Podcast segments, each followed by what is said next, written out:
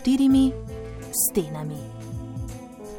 Multidisciplinarna ekipa strokovnjakov, ki se pri svojem delu ukvarjajo z otroki in mladostniki, je na pobudo primarnih pediatrov pripravila smernice o priporočeni povprečni uporabi zaslonov v prostem času pri otrocih in mladostnikih. Gre za prva slovenska priporočila, zelo dobrodošla in dragocena, ki bodo služila tako staršem kot vsem tistim, ki so kakorkoli povezani z otroki vzgojiteljem, učiteljem, psihologom, specialnim pedagogom, pediatrom, logopedom in drugimi. Podrobneje v oddaji, ki jo je pripravila Darja Groznik. Uporaba zaslonov, bodi si da gre za pametni telefon, tablični računalnik, igralno konzolo, televizijo ali kaj drugega, je del našega življenja. Vendar ali se zavedamo, kako to vpliva na nas, kakšne so pasti, manipulacije in tudi nevarnosti? In še bolj pomembno, ali se dovolj zavedamo, kakšne so pasti pri uporabi zaslonov, ki prežijo na otroke? V času šolanja nadaljavo smo tudi na prvem pogosto govorili o tej temi, o težavah, naprimer o motnjah pozornosti, zmanjšanju motivacije in drugih pasteh. No, danes se bomo osredotočili bolj na majhne, na predšolske otroke. Povod mojega pogovora so torej težko pričakovane slovenske smernice za uporabo zaslonov pri otrocih in mladostnikih v prostem času. Z mano v studiu sta dve gosti, to sta dr. Anja Račel, specialistka pediatrije, prihaja iz sekcije za primarno pediatrijo Združenja za pediatrijo. Dobr dan. Lepo pozdravljeni. In docentka dr.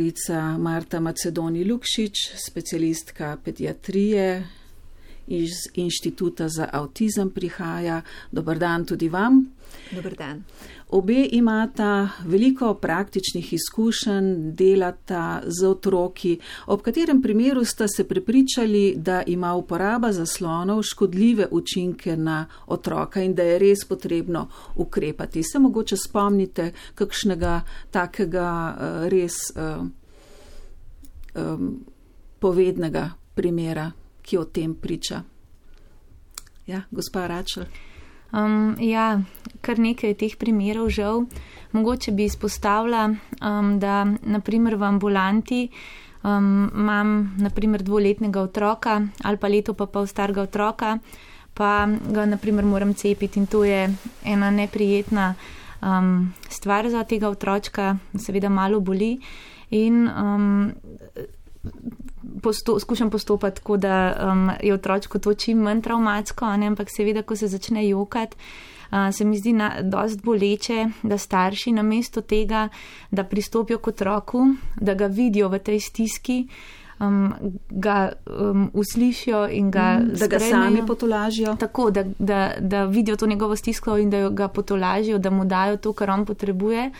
Um, ga skušajo preusmeriti njegovo pozornost tem, da mu začnejo kazati nek zaslon, neko pesmico, risanko. In um, žal se tudi velikrat izkaže, da je otroček tega vzorca že navajen. In um, to se mi zdi ena taka, ker se potem dejansko potolaži in zamoti. In um, to seveda za razvoj um, čustvene kompetence, ali kako ne rečem, za naprej to res ni, ni dobro za otroka. Gospa Macedoni, se vi spomnite kakšnega primera? Eh, z ambulante, z vašega delovnega področja, kjer ste pa slutili, da težave izhajajo iz prekomerne rabe zaslona? Eh, Predvsej primerov, preveč. Eh, se pravi, jaz delam v subspecialistični ambulanti za otroke z motnjami v razvoju, predvsem z sumom, da imajo avtizem. Imamo ambulanto v Mariboru in Ljubljani in prihajajo otroci iz cele Slovenije k nam. Eh, zadnje, mogoče leto, leto pa pol sem začela sistematično spraševati starše o uporabi zaslonov pri otrocih. In uh, pravzaprav je šokantno, ne, koliko ur že zelo mehni otroci, že uh, dojenčki gledajo oziroma jih starši posedajo pred zaslone. Um, tako da uh, sem pa se pravi začela to povezovati, uh, ko videvam otroke, ki imajo pomembne uh, Eh, razvojne motnje oziroma primankljaje na področju razvoja, predvsem govora in jezika. Tudi otroci prihajajo, ki so dizorganizirani, s tem rečem, eh, kaotični. Eh, In ko pač sprašujemo in vidimo, da so lahko tudi več ur, ne, dojenčki že 4-5 ur pred zasloni, seveda spodbujamo starše, da to ukinejo. In kasneje, ko spremljamo te otroke, vidimo, če to dosti hitro naredijo in res tudi resno pristopijo in sledijo tem našim priporočilom, uh, da se začne razvoj pri teh otrocih, recimo na področju govora in jezika, uh, potem uh, pač dogajati oziroma se otrok začne hitreje razvijati na teh področjih in seveda potem lahko tudi o tej povezavi govorimo. No, gre za prve slovenske smernice, nastale so iz praktičnih potreb in opažanj primarnih pediatrov in drugih strokovnjakov. V tujini podobne smernice menda že imajo, v Sloveniji, kar moramo tudi povedati, imamo malo podatkov o uporabi zaslonov. Zadnja raziskava je bila narejena na to temo leta 2015, mediji in predšolski otroci v Sloveniji. Pokazala je naslednje z anketiranjem staršev, da so otroci do tretjega leta izpostavljeni zaslonom povprečno dve uri na dan, med četrtim in šestim letom pa tri ure na dan. Vi ste v smernicah razdelali motnje, oblikovali priporočila za starše, lotili ste se posameznih starostnih um, um, uh, intervalov. Za začetek že gospa Macedonija je omenila dojenčke. Um, zakaj je potrebno osveščati tudi mlade mamice? ki imajo doma dojenčke, so se znašli v nekih posebnih mehurčkih, so mogoče veliko časa same. Kaj se dogaja na tem področju? Ja, Doktorica Račel. Ja, otrokov razvoj do, v prvih letih življenja, posebej v dojenčkovem obdobju, je zelo intenziven in um, dojenčki so ena taka. Uh, tako hitro nas pretentajo, zaradi tega, ker na vzven ne zmorejo še zelo veliko pokazati, saj ne v začetku in um, imamo občutek, da ta razvoj res ni tako intenziven, nimamo pogleda v to. V njem se pa mnogo stvari dogaja in um, mehni dojenčki se uh, res uh, potrebujejo, se učijo od staršev. Um, dojenčki so narejeni um, tako, da se učijo, um, da rabijo stvari in um, motorično sprobati, um, poskušajo, ne nosijo rokice v usta, vse gre prek poskusa in ponavljanja in stalno um, uh, ob tem uh, preverjajo nas kot primarnega skrbnika, ponovadi to mamica, ki jo z otrokom na porodniški, um, kako se ona odziva na vse, kar je v okolju. In tega preverjanja se mi, poteka dost na podzavestni ravni, se mi odrasli ne zavedamo. Otroček zelo velikrat in med hranjenjem, med tem, ko je buden, zelo velikrat postavi tak kratek um, očesni stak, stik z nami in um, se nekako um, uh, sam, sam ravna po tem, kako se mi izražamo. Kaj, kaj, kaj, na, na našem obrazu piše. In to um, iz tega izhaja, da pač za zdrav razvoj dojenčka je nujno potrebno, da takrat, ko je on buden, ko smo mi ob njem, da smo polno prisotni. To pomeni, da. Um, je res um, vsaka distrakcija, tako so pa hitro lahko telefoni, uh, pametni telefoni, um, nam vzame pozornost, to nujno pozornost proč od otroka in nas ima on samo na pol in lahko dobi zelo mešana sporočila um, in um, to seveda za njegov razvoj ni, um, ni primerno ni mhm. zdravo. Uh, jaz drugače razumem mamice, sem imela tudi kar nekaj primerov mamic, ki so povedale, ne, pač na porodniški. Pri nas imamo drugače res srečo v Sloveniji, naši otroci imajo srečo, ker smo mamice lahko skoraj eno leto doma z njimi v tem prvem obdobju in um, smo res v službi otrok, je pa to naporna služba ne? in tega se zavedamo. In mamice velikrat, sploh v zadnjem letu, v času epidemije, verjamem, da so bile še osamljene. Um, malo so, ni bilo praktično možnih nekih družen v živo, kjer bi oni delile te majhne uspehe, veselja, um, ki so plot neke dolge potrpežljivosti, so čakali, da je dojenček nekaj pokazal in potem končno in niso imeli to s kom deliti. Ne? In velikrat je tukaj past teh um, množice raznih skupin na teh družabnih omrežjih, kjer se kar po mesecih, a ne um, uh, rojstva, kako pričakujejo, uh mhm. -huh. se že kot pričakujejo pričakuje se mamice v tisto skupino um, v članju in potem spremljajo rast teh otrok. In sem imela primere mamic, ki so znale povedati zelo slikovito, kako so se ujele v pas teh skupin, kot to, um, kar na lepem ni bilo več samo neko deljenje nekih nasvetov koristnih, um, ampak um, deljenje vsega v povezavi z otrokom, kar se dogaja, deljenje fotografij, kako on zdaj naprimer je, kaj je že naredil, deljenje teh dosežkov in tuk, tuk, tukaj je pač res več pesti. Ena je to, da, bile, da je bil otroček ob njih in namesto, da bi se ukvarjali, da bi bile polno prisotni z njim in se z njim ukvarjali, so bile zraven upete um, stalno v to mrežo sporočil, ki se jim je odvijala na neki napravi pametni. Um, potem je tukaj pas tega, da se ne hote dojenčke med sabo primerja. Vemo, da razvoj poteka zelo različno za različne dojenčke in velikrat so se mamice počutile potem v stiski, um, uh, ker so imele vtis, da se mogoče njihov otrok ne razvija pa enako kot pa vsi ostali, ki so bili rojeni v istem mesecu. Potem um, je pa še ena past, ki jo jaz vidim v tem, da um, ta ves med mami, mamico in dojenčkom je zelo intenzivna intenzivna in, in jaz res skušam vedno mamice opogumiti, da se um, res zanašajo na ta notranji občutek, lahko rečemo intuicija, um, kar koliko, ko, ko dojenček želi mamici nekaj sporočiti, naj najprej sebe vpraša. In ponavadi je ta glas, ki ga ona zasliši, tisto pravo, kar dojenček potrebuje, pa če ni prva, bo pa druga ali pa tretja stvar sigurno zalegla. In vsa ta poplava informacij od ozunaj, od um, teh nasvetov, branja nasvetov na spletu, svetu, um, zelo, zelo velikrat um, mamice zmede in jih spravi v nepotrebno stisko. Skratka, več razlogov uh, ste zdaj navedli. Um, doktorica Macedoni, v smernicah je zapisano, da pediatri, vi vsi strokovnjaki, ki dobro poznate razvoj otroka, priporočate v starosti od nič do dveh let brez zaslonov. Skratka, to je kar uh, neka taka um, zapisana smernica, um, za katero pediatri stojite, uh, zelo zagovarjate. Zakaj? Zakaj? Kaj se dogaja tej, pri tej starosti, da uh, uporaba pametnih zaslonov pri tej starostni skupini res ni um, primerna? Lejte, se nekaj je že kolegica tudi omenila, ne? ampak um, Mi vemo, da tehnologija je tukaj in da tega ne moramo zbrisati. Ampak uh, pediatri mislimo, da v prvih dveh letih uh, te tehnologije otrok za naprimer te, te stvari, za kar je tudi potem uporablja, ne potrebuje. In da je ključno nekaj posem drugega. Ne.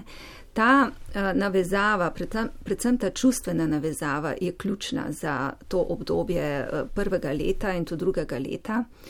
Uh, po stujku se reče attachment. Zdrav, normalen attachment. Ampak zato, da se mama, večinoma je to mama, ta, ki je, eh, ki je večji del pri otroku, da se poveže z otrokom. Tukaj je pač to pomeni, da je večino časa prisotna, ampak prisotna emocionalno, ne samo fizično prisotna. In tako kot je kolegica rekla, otrok vse čas preverja. Ne? In um, če, če ne dobi tega občutka varnosti, zaupanja, potem, veste, vse drugo je mimo, ne bo tudi druga informacija, potem, ko jo bo potreboval, prišla do njega. Skratka, ta navezava je ključna in emocionalna prisotnost mame večino časa. Uh, tudi je bilo že omenjeno, v tem obdobju se možgani intenzivno razvijajo na osnovi izkušenj. Spravi, določene celice, pa določene povezave med temi celicami se ali okrepijo ali se izgubijo, propadajo na osnovi izkušenj, ki jih otrok dobi. Spravi, izkušnja, ki jo dobi pred zaslonom, je popolnoma nekaj drugega, kot jo dobi v nekem socialnem okolju, ki ga bo pripeljalo potem naprej, da bo on lahko funkcioniral kasneje tudi v tem socialnem okolju.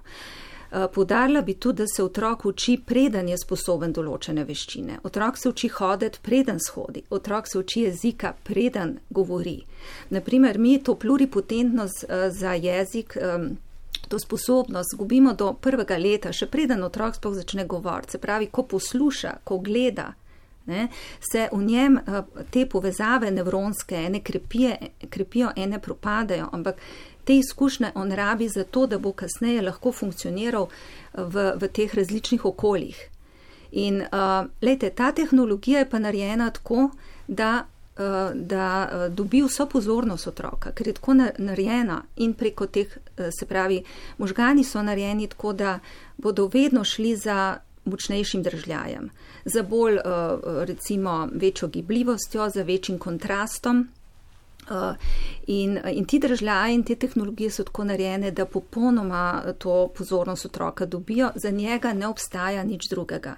Prav vse to, kar on potrebuje, da gleda, da, da sliši iz tega okolja, da, da se normalno razvija, uh, seveda potem je to izrazito omejeno. Uh mhm. -huh.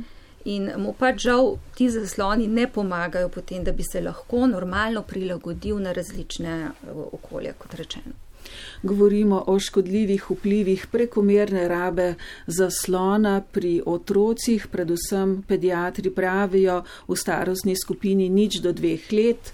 Naj bodo otroci brez zaslonov. Seveda, kot smo slišali, je to v največji meri odvisno od staršev, ki predstavljajo osnovno bivansko celico za uh, otroke.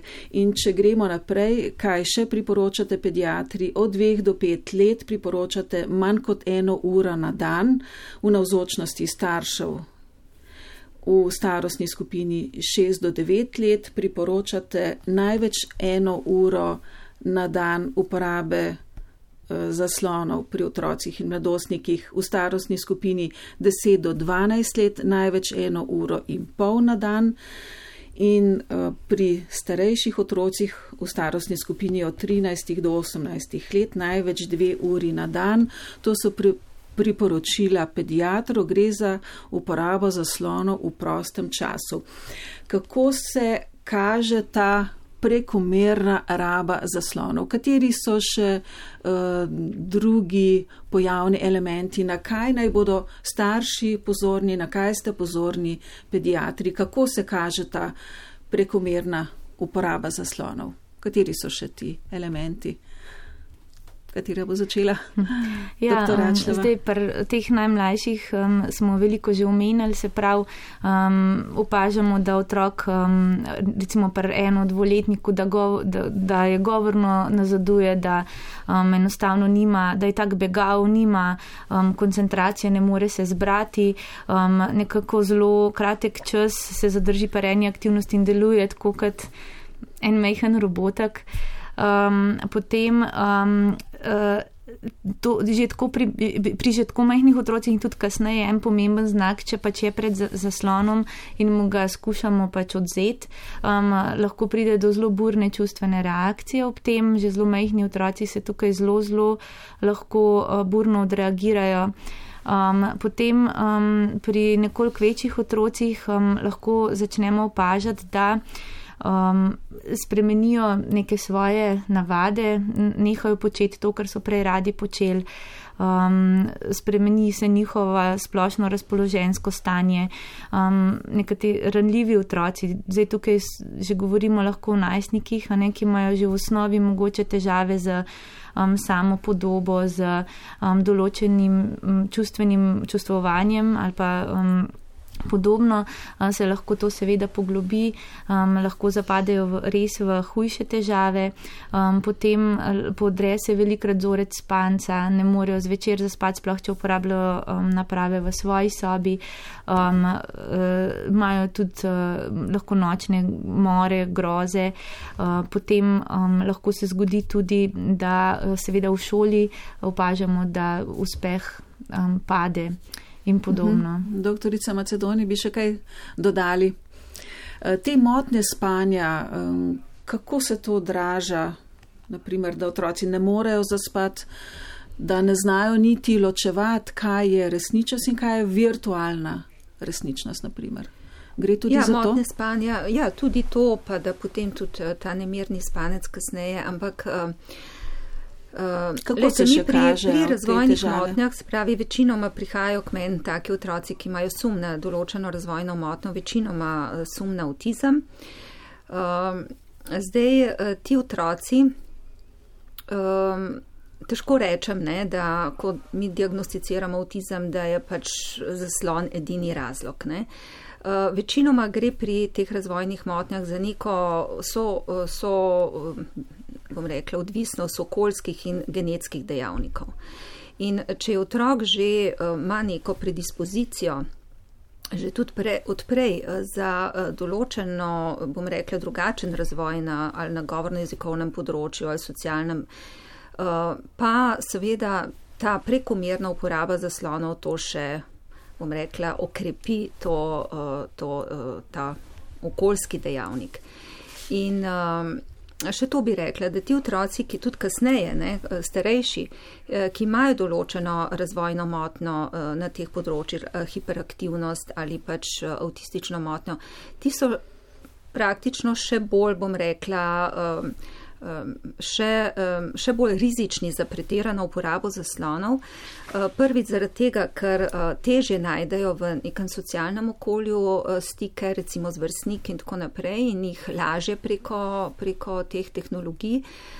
Druga stvar je, da so jim, predvsem tem otrokom z avtizmom, te tehnologije zelo blizu. Ne, oni, ta tehnični svet jim je običajno bistveno bližji in lažji in bolj predvidljiv in eh, lažji za uporabo kot uh -huh. uh, socialni svet. In uh, ga iščejo in ga še dodatno pač potem so rizični za to odvisnost. Ne.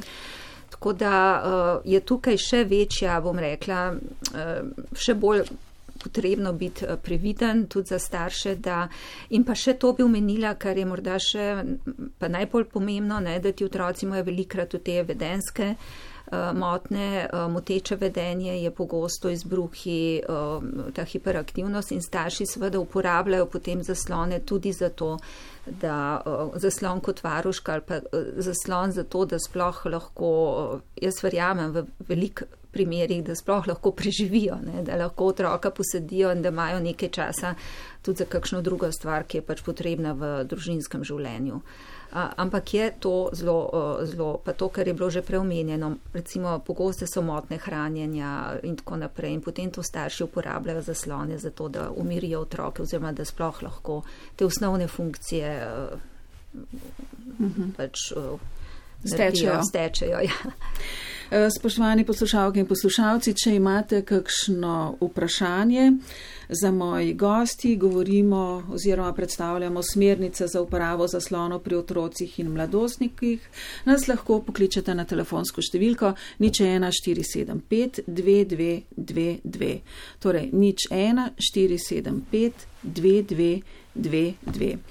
Torej, kot ste rekli, telefon je lahko varuška, tolažnik, veliko krat eh, vidimo, kako starši hranijo svoje mehne otroke ob telefonu. Um, je to v redu? Ja, mogoče bi, um, kar jaz povedala zdaj, no se mi zdi, vse, kar ste našteli, je žal zelo pogosto srečamo, um, pa zares zares ni v redu. No. Pač otrok vse te veščine, ki jih usvaja, on mora biti prisoten in on mora um, celostno razumeti in, in ponotraniti ta proces in se naučiti hraniti in um, doživeti okuse, doživeti teksturo hrane. Naprimer, če govorimo zdaj o hranjenju in če je zraven tablica, pa on to dela avtomatsko, potem seveda temu ni tako. In enako je potem z vsemi temi ostalimi. Um, ostalimi primeri. Naprimer, tudi um, velikrat zelo pogost prizor je sicer zdaj le v času korona, korona epidemije mal manj, ampak v restauracijah, ko um, z majhni otroci, ko mo, v bistvu ne zmorejo niti več počakati, da na takar prinese, da se pač dostavi hrana ali pa pijača na mizo, že tako imajo tablice pred sabo in gledajo nekaj. In je to v bistvu zelo drago, dragocen čas, zamujen za neko ukvarjanje z otrokom. Um, Imamo telefon, gospod Igor iz Ljubljane nas je poklical. Dobar dan. Ja, dobar dan. E, jaz imam e, vprašanje, da če, če lahko. Ja, izvolite, kar povejte. Kdaj, kdaj bi mogel uh, dojenček, mislim, otrok shoditi, pa kdaj bi mogel spregovoriti? To me zanima, pri katerih starostih je normalno to. Uh, hvala lepa, sicer to ni ravno tema ni ravno povezano, povezano z smernicami za uporabo zaslonov, ampak kljub vsemu hvala lepa, bomo skušali odgovoriti. Ja, otrok, otrok shodi okrog enega leta, pa normalno je tudi seveda, če do 15. 16. meseca ni, niso vsi otroci na, na isti dan. Eh, pri govoru je pa tako, da naj bi bile prve smiselne besede, eh, ki jih uporablja tam do 18. meseca, okrog drugega leta pa že tudi večbesedne fraze. Pomemben je tudi ta predgovorni razvoj, ne, se pravi čeblanje v tem drugem, o, drugi polovici prvega leta in eh, kot eno vedenje, ki je zelo, zelo pomembno, skupna vezana pozornost okrog enega leta, ko otrok začne s prstom kazati, najprej s pogledom, pa pa s prstom na stvari, ki jih želi deliti z uh, pozornost, na katere želi deliti z določeno odraslo osebo. Eno konkretno, pa tudi pogosto vprašanje bom navedla kar jaz. Kdaj kupiti prvi telefon otroku? To se kar pogosto sliši tudi v našem programu, ko beseda nanese na uporabo pametnih naprav. Kaj svetujete? Kdaj kupiti prvi telefon otroku? Um, ja, zdaj, če govorimo o, samo o telefonu, um, se pravi, brez vseh teh pametnih um, funkcij, uh, seveda takrat, ko je otrok dovolj samostojen, da začne um, sam, samostojno um, tudi uh, upravljati določene stvari, kam hodi, takrat je fino, da pač ima svoj telefon za to, da nas lahko pokliče in se tudi počuti s tem bolj varnega in imamo pač tudi nekako stvari um, tako varno zastavljene. Um, zdaj, kar se pametnih naprav tiče, ne samo telefona, pa naj, naj postane lastnik čim kasneje. Uh, tudi, absolutno odsvetujemo, da um, se otroku kupi napravo za darilo ali pa da si sam kupi to napravo iz prihrankov, naprimer iz žepnine. Vedno mora biti, um, ko, ko postane otrok lastnik tega, se pravi nekje v drugi polovici osnovne šole, mora um, to biti usmišljeno, prej se moramo z njim pogovoriti, um, se tudi dogovoriti o uporabi. Um, otrok mora razumeti, um, da gre tukaj za. Um, Za, za veliko odgovornost, in da um, je zraven pride ta dogovor, kako bo to tudi uporabljal. -huh. Nič 1, 4, 7, 5, 2, 2, 2, 2. Če imate kakšno vprašanje povezano uh, z vašim otrokom, mogoče in uporabo uh, pametne naprave. Pediatri ste oblikovali tudi nek, neka pravila, neki, nekaj nasvetov, ki naj veljajo za družine, za vse družinske člane. Veliko smo že govorili o tem, da seveda je odvisno, kako so starši, um, navezani tudi na te pametne naprave, kaj ti otroci um, povzemajo te vzorce obnašanja. In naj pametne naprave ne nadomeščajo varuško, tolažnika in tako naprej. In tako naprej. Uh, nekaj nasvetov bom prebrala. Ki ste jih sestavili za starše, obroki so čas brez zaslonov, določite uro v dnevu, ko vsi družinski člani zaslone ugasnete.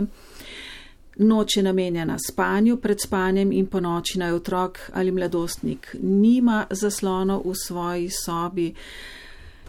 Zakaj je vse to pomembno? Pa mogoče tudi težko izvedljivo za kakšne starše, ki ne morejo mladostnike ali mogoče starejše otroke odvrniti od pametnih telefonov. Ja, lejte. Uh... Vzgoja se ne začne pri 15 letih. Ne. Eh, zelo pomembno je, kako se v tem predšolskem obdobju stvari postavijo. In uh, tako, kot je bilo že rečeno, tukaj je potrebno postaviti pravila, je potrebno postaviti meje. In uh, to je starševanje, to je, uh, to je pač odgovorno uh, starševstvo. In uh, pač tisti, ki se odločijo za otroka, morajo vedeti, da je to da to pač je neko delo in da je neka odgovornost. Ne. In um, gre tudi za, seveda, velikrat nujnost samo spreminjanja, samo omejevanja in tako naprej. In uh, tako da to ni starševstvo, odgovorno starševstvo ni lahko delo. Ne? In uh, kot rečeno, meje, meje, danes govorimo če dalje več o škodljivosti permisivne vzgoje, v tem, ko se kar otroka prepusti, da, da gre kar kamor, kamor ga zanese tisti trenutek pot. Starši morajo voditi otroka. Starši se morajo v tem prvem obdobju odločiti, kaj je za otroka pomembno in ga pripeljati do, do tam. Ne. Tako da potem, če, če se tako postavi v tem prvem obdobju, tudi kasneje ni večjih problemov. Eh, ker se otrok v tem, v tem predšolskem obdobju nauči biti odgovoren in uh, samostojen. Uh mhm. -huh. Ja. Ja, um, jaz se absolutno strinjam z vsem do zdaj povedano, bi, povedanim, bi pa um, dodala še to, da uh, se starši premalo zavedamo, kako močen zgled smo mi otrokom. Uh, Um, poleg tega, ker, um, mi, um, ker se mi dogovorimo z njimi in postavimo te jasne meje, že od, od malega dalje, um, se pa otroci zelo, zelo uh, ravnajo tudi po tem, kaj opažajo pri nas, kako se mi vedemo. In um, če mi želimo, da bo otrok um, varno in odgovorno uporabljal zaslone, jih moramo tudi mi. In seveda, zasloni so del našega vsakdana, vsi jih uporabljamo doma, um, tudi v, v namene. In zdaj se je tudi ta služba pomešala, veliko staršev dela v doma. Ne?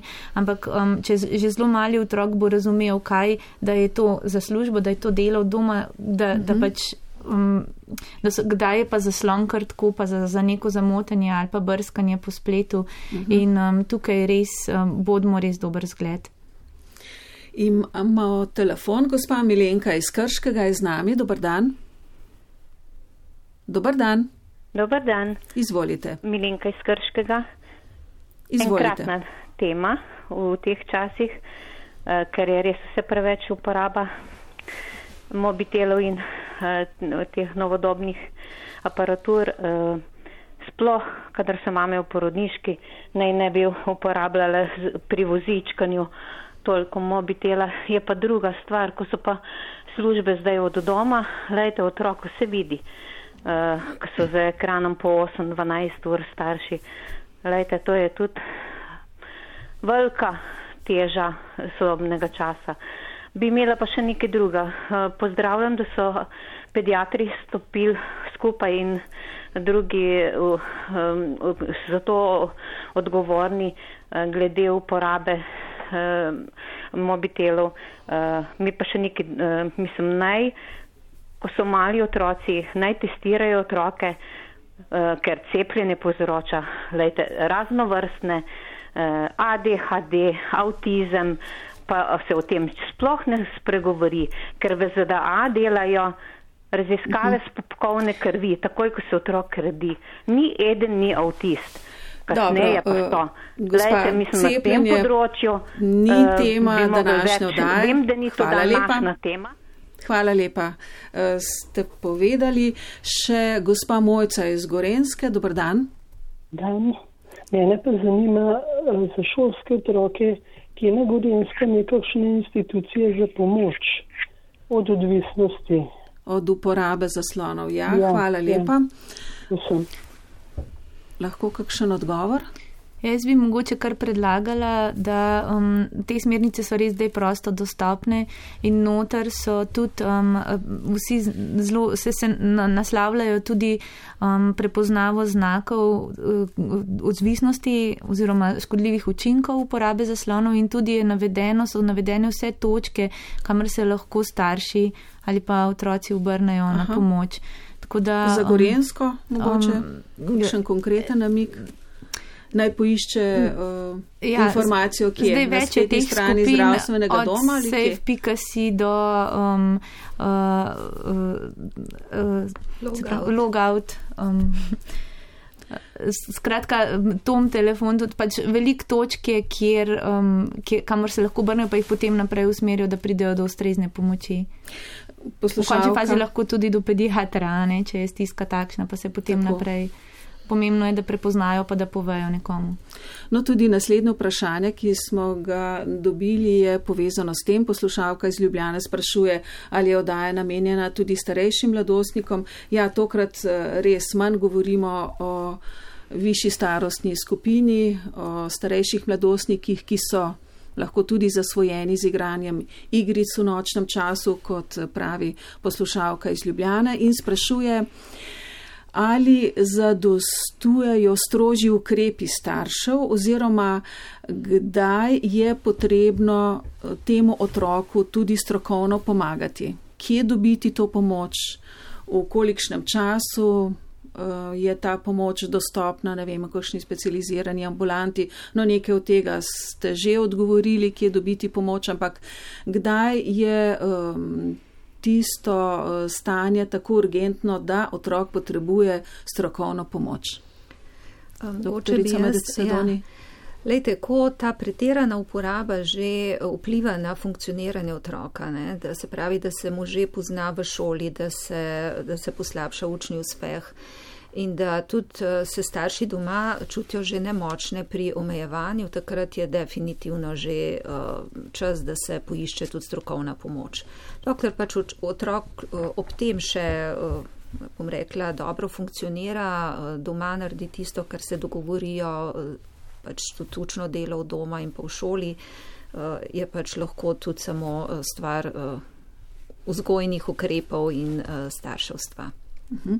O smernicah za uporabo zaslonov smo pretekli teden govorili tudi v studiu ob 17. in dr. Marija Anderluh, ki je vodja službe za otroško psihiatrijo na pediatrični kliniki v Ljubljani, eh, pravi, mogoče je potreben dan brez telefona v družini. To je ena taka zanimiva pobuda, zanimiva ideja. Kaj pravite?